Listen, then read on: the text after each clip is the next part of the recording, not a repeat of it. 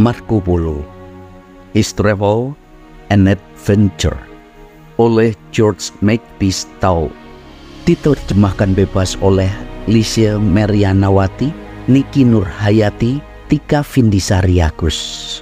Teks ini merupakan terjemahan bebas oleh para orang tua praktisi metode pendidikan Charlotte Mason, Charmed Community.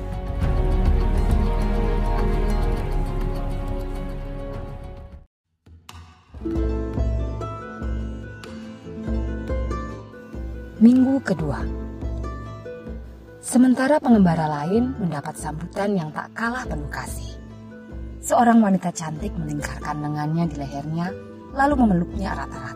Sangat gembira menemukan suaminya di sisinya sekali lagi. Dan dua gadis muda yang cantik, putri-putrinya, berebut dengan ibu mereka akan belayannya. Kemudian Giliran kerabat dan teman lama pengembara lainnya untuk menyambut mereka dan membanjiri mereka dengan kasih sayang. Dan sebelum penyambutan ini berakhir, malam telah tiba. Lalu halaman telah diterangi oleh obor-obor yang telah diambil dan dinyalakan oleh para pelayan. Suasana itu kemudian berubah ke aula besar yang sementara pesta pora berlangsung di halaman istana dengan cepat berubah menjadi ruang perjamuan. Dua baris meja panjang dihiasi dengan banyak bunga dan penuh dengan makan malam panas yang berlimpah diatur di sepanjang meja. Sementara ruangan-ruangannya diterangi oleh ratusan lilin berlapis emas yang berkilauan yang dipasang di sepanjang dinding. Para pelayan yang mengenakan pakaian rumah berdiri di samping meja, siap melayani banyak tamu yang masuk dan mengambil tempat mereka dan menunggu sampai kedua musafir itu muncul kembali. Yang terakhir telah pergi ke kamar mereka untuk menikmati momen bersama keluarga mereka secara pribadi dan untuk menukar pakaian aneh mereka dengan kostum asli mereka. Mereka sudah lama turun, mengenakan setelan bulu yang indah dan mengambil tempat di ujung kedua meja. Anak-anak mereka di kedua sisi meja. Meskipun sudah sangat larut malam itu, pesta penyambutan terus berlangsung. Para pengembara akhirnya menemukan diri mereka nyaman di rumah dengan semua orang yang mereka sayangi di sekitar mereka. Selera mereka terpuaskan dengan hidangan lezat dan anggur hangat. Tubuh mereka beristirahat dari perjalanan panjang, menjadi sangat riang dan banyak bicara, lalu menunjukkan cerita panjang tentang petualangan mereka. Selama sembilan tahun yang panjang, mereka telah pergi dari Venesia dan hanya sekali atau dua kali mereka mendengar kabar dari rumah atau dapat mengirim kabar tentang diri mereka sendiri kepada keluarga dan teman-teman mereka. Yang lebih tua, Nicolo, telah meninggalkan dua putranya sejak bayi dalam perawatan bibi mereka dan paman mereka, Marco, sosok angkuh yang digambarkan sedang menunggu kembalinya para pengembara di aula besar.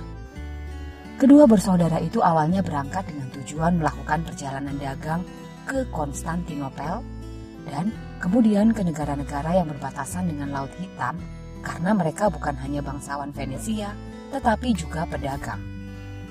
Bukan hal yang aneh pada masa itu bagi bangsawan Venesia untuk terlibat dalam perdagangan. Dan dengan cara ini kaum bangsawan kota itu dapat mempertahankan diri mereka dalam kekayaan dan kekuasaan ketika para bangsawan dari kota-kota Italia lainnya jatuh ke dalam kemiskinan dan kehancuran. Nicolo membawa istrinya bersamanya ke Konstantinopel dan segera setelah mereka tiba di sana, istrinya meninggal. Dua anak laki-laki kecil yang telah ditinggalkan di rumah dengan demikian menjadi tidak memiliki ibu. Awalnya Nicolo diliputi kesedihan. Pada saat itu dia kehilangan semua keinginan untuk kembali ke rumah. Dan kemudian memutuskan untuk memperpanjang perjalanannya lebih jauh ke timur daripada yang dia rencanakan semula. Setelah tinggal beberapa saat di Konstantinopel, mereka menyeberangi Laut Hitam dan tinggal beberapa waktu di Crimea atau semenanjung Ukraina. Tanjung yang berabad-abad kemudian menjadi medan pertempuran yang terkenal antara Rusia di satu sisi dan Inggris, Perancis, serta Turki di sisi lain. Sementara di Crimea mereka berhasil membuat beberapa usaha perdagangan yang menguntungkan Dan mereka belajar bahwa lebih jauh lagi ke timur ada negara-negara yang kaya akan barang-barang dan harta karun. Meskipun mereka suka berperang dan biadab dalam adat istiadat. Nicolo akhirnya membujuk saudaranya Maffeo untuk menjelajah lebih jauh dan bergabung dengannya untuk menembus negara-negara terpencil yang begitu banyak mereka kenal. Mereka pertama-tama mengarungi sungai besar Volga yang mengalir begitu jauh melalui wilayah luas yang sekarang terdiri dari Kekaisaran Rusia dan memasuki apa yang sekarang disebut di peta sebagai Asia Tengah. Mereka berhenti di Bukhara, sebuah pusat kota di Uzbekistan, kemudian duduk di area yang penduduknya kasar dan suka berperang, tetapi mereka diperlakukan dengan baik. Kemudian, mereka melaju lebih jauh ke arah timur dan melanjutkan perjalanan mereka berhenti di berbagai ibu kota Asia, melintasi gunung yang luas, lalu padang rumput yang suram dan tinggi, kemudian lembah yang indah dan subur, dan hutan lebat yang tampaknya tak berujung, sampai mereka menemukan diri mereka di antara ras penasaran, mata sipit, memiliki kuncir, berkaki kecil, cerdik, yang sekarang kita sebut orang Cina. Tentu saja perjalanan mereka jauh dari kata cepat. Sebagian besar mereka berjalan dengan menunggang kuda, meskipun kadang-kadang mereka bertengger punuk unta atau menunggangi punggung gajah yang lebar. Butuh tidak hanya berbulan-bulan, tetapi bertahun-tahun untuk mencapai batas perjalanan mereka. Mereka sering tertunda oleh perang Asiatik yang biadab yang membuat melangkah lebih lanjut berbahaya. Kadang-kadang mereka ditahan secara paksa di kota-kota asing oleh para khan yang berkuasa, yang bersikeras untuk dihibur dengan kisah-kisah keajaiban Eropa. Kadang-kadang mereka berada dalam bahaya besar dalam hidup mereka dari serangan kelompok barbar yang menyerang mereka dalam kesendirian yang sepi.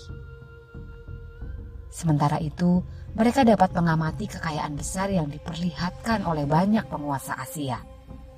Kain-kain indah yang dapat dihasilkan oleh keterampilan, rasa, dan kecintaan Asia terhadap warna-warna indah. Keragaman yang menakjubkan dan kemewahan vegetasi oriental, serta banyak binatang aneh, burung dan reptil yang menghuni hutan dan memiliki tempat tinggal dan sarang mereka di dalam hutan yang lebat Orang-orang Eropa telah lama menduga keberadaan sebuah kerajaan yang kuat dan megah yang berada di bagian terpencil Asia yang mereka sebut sebagai Katai. Memang, laporan terus berdatangan dari waktu ke waktu tentang eksploitasi penguasa Katai serta pemerintahannya yang bijaksana namun kuat. Ke arah tanah misterius inilah dua bersaudara itu menempuh perjalanan mereka. Memutuskan untuk menemukan, jika mungkin, apakah tanah itu benar-benar ada, dan untuk melihat sendiri raja perkasa yang memerintah di atas tanahnya. Setelah bertahun-tahun mengembara, mereka akhirnya mencapai Katai yang mereka temukan benar-benar ada. Juga, seperti yang mereka lihat, sesuai dengan catatan tentang hal itu yang telah sampai ke telinga mereka di Venesia. Sama sekali tidak melebih-lebihkan luas, kekayaan, dan kekuasaannya. Mereka melihat rajanya memang seorang penguasa yang agung dan bijaksana. Seorang pria dengan kecerdasan yang jauh lebih tinggi daripada para pangeran Asia yang pernah mereka temui sebelumnya.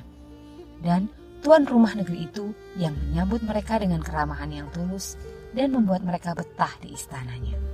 Namanya Kubilai Khan dan kekuasaannya meluas ke sebagian besar Cina Timur. Dia sangat senang dengan tamu Venesianya dan mengajukan pertanyaan tentang benua dari mana mereka berasal. Mereka juga mengetahui bahwa dia sangat tertarik pada kekristenan yang dengan penuh semangat dan terus-menerus dia tanyakan kepada mereka, menyatakan bahwa dia sendiri akan memperkenalkan agama Kristen ke Katai. Setelah kedua saudara itu menghabiskan waktu yang lama di istana Kubilaikan, mereka pun mulai merasa rindu kampung halaman dan ingin membawa kembali ke Venesia kisah tentang hal-hal indah yang telah mereka lihat dan dengar. Pada awalnya aku bilaikan sangat enggan berpisah dengan mereka. Dia sangat menyukai masyarakat dan percakapan mereka, dan dia telah belajar banyak hal dari mereka yang berguna untuk pemerintahannya. Namun, melihat bahwa mereka bertekad untuk kembali ke rumah, dia akhirnya setuju untuk membiarkan mereka kembali. Tetapi sebelum dia melakukannya, dia membuat mereka berjanji dengan sungguh-sungguh bahwa mereka akan kembali ke Katai lagi. Ini mereka lakukan, meskipun pada saat itu mereka sangat ragu apakah mereka akan memenuhi janji mereka. Kan kemudian memberi mereka misi penting kepada Paus Roma. Katanya dia sangat menginginkan Paus untuk mengirim sejumlah besar misionaris yang terpelajar untuk datang ke Katai untuk mengubah orang-orangnya menjadi Kristen dan untuk membudayakan serta memoles rakyatnya yang semi barbar sehingga mereka bisa menjadi seperti orang Eropa.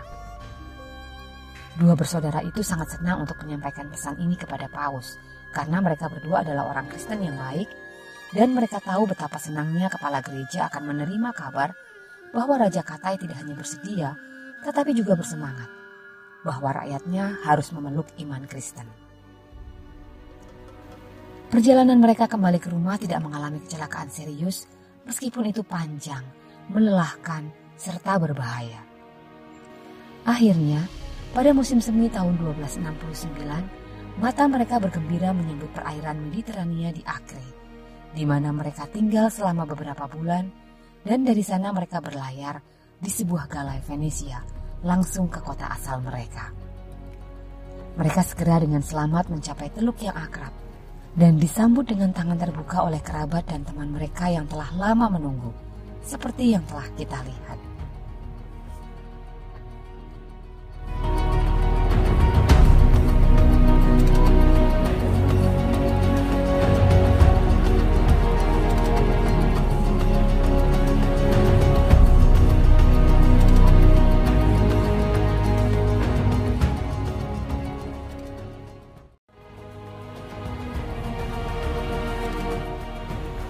Bagaimana? Menarik bukan? Selamat mengikuti.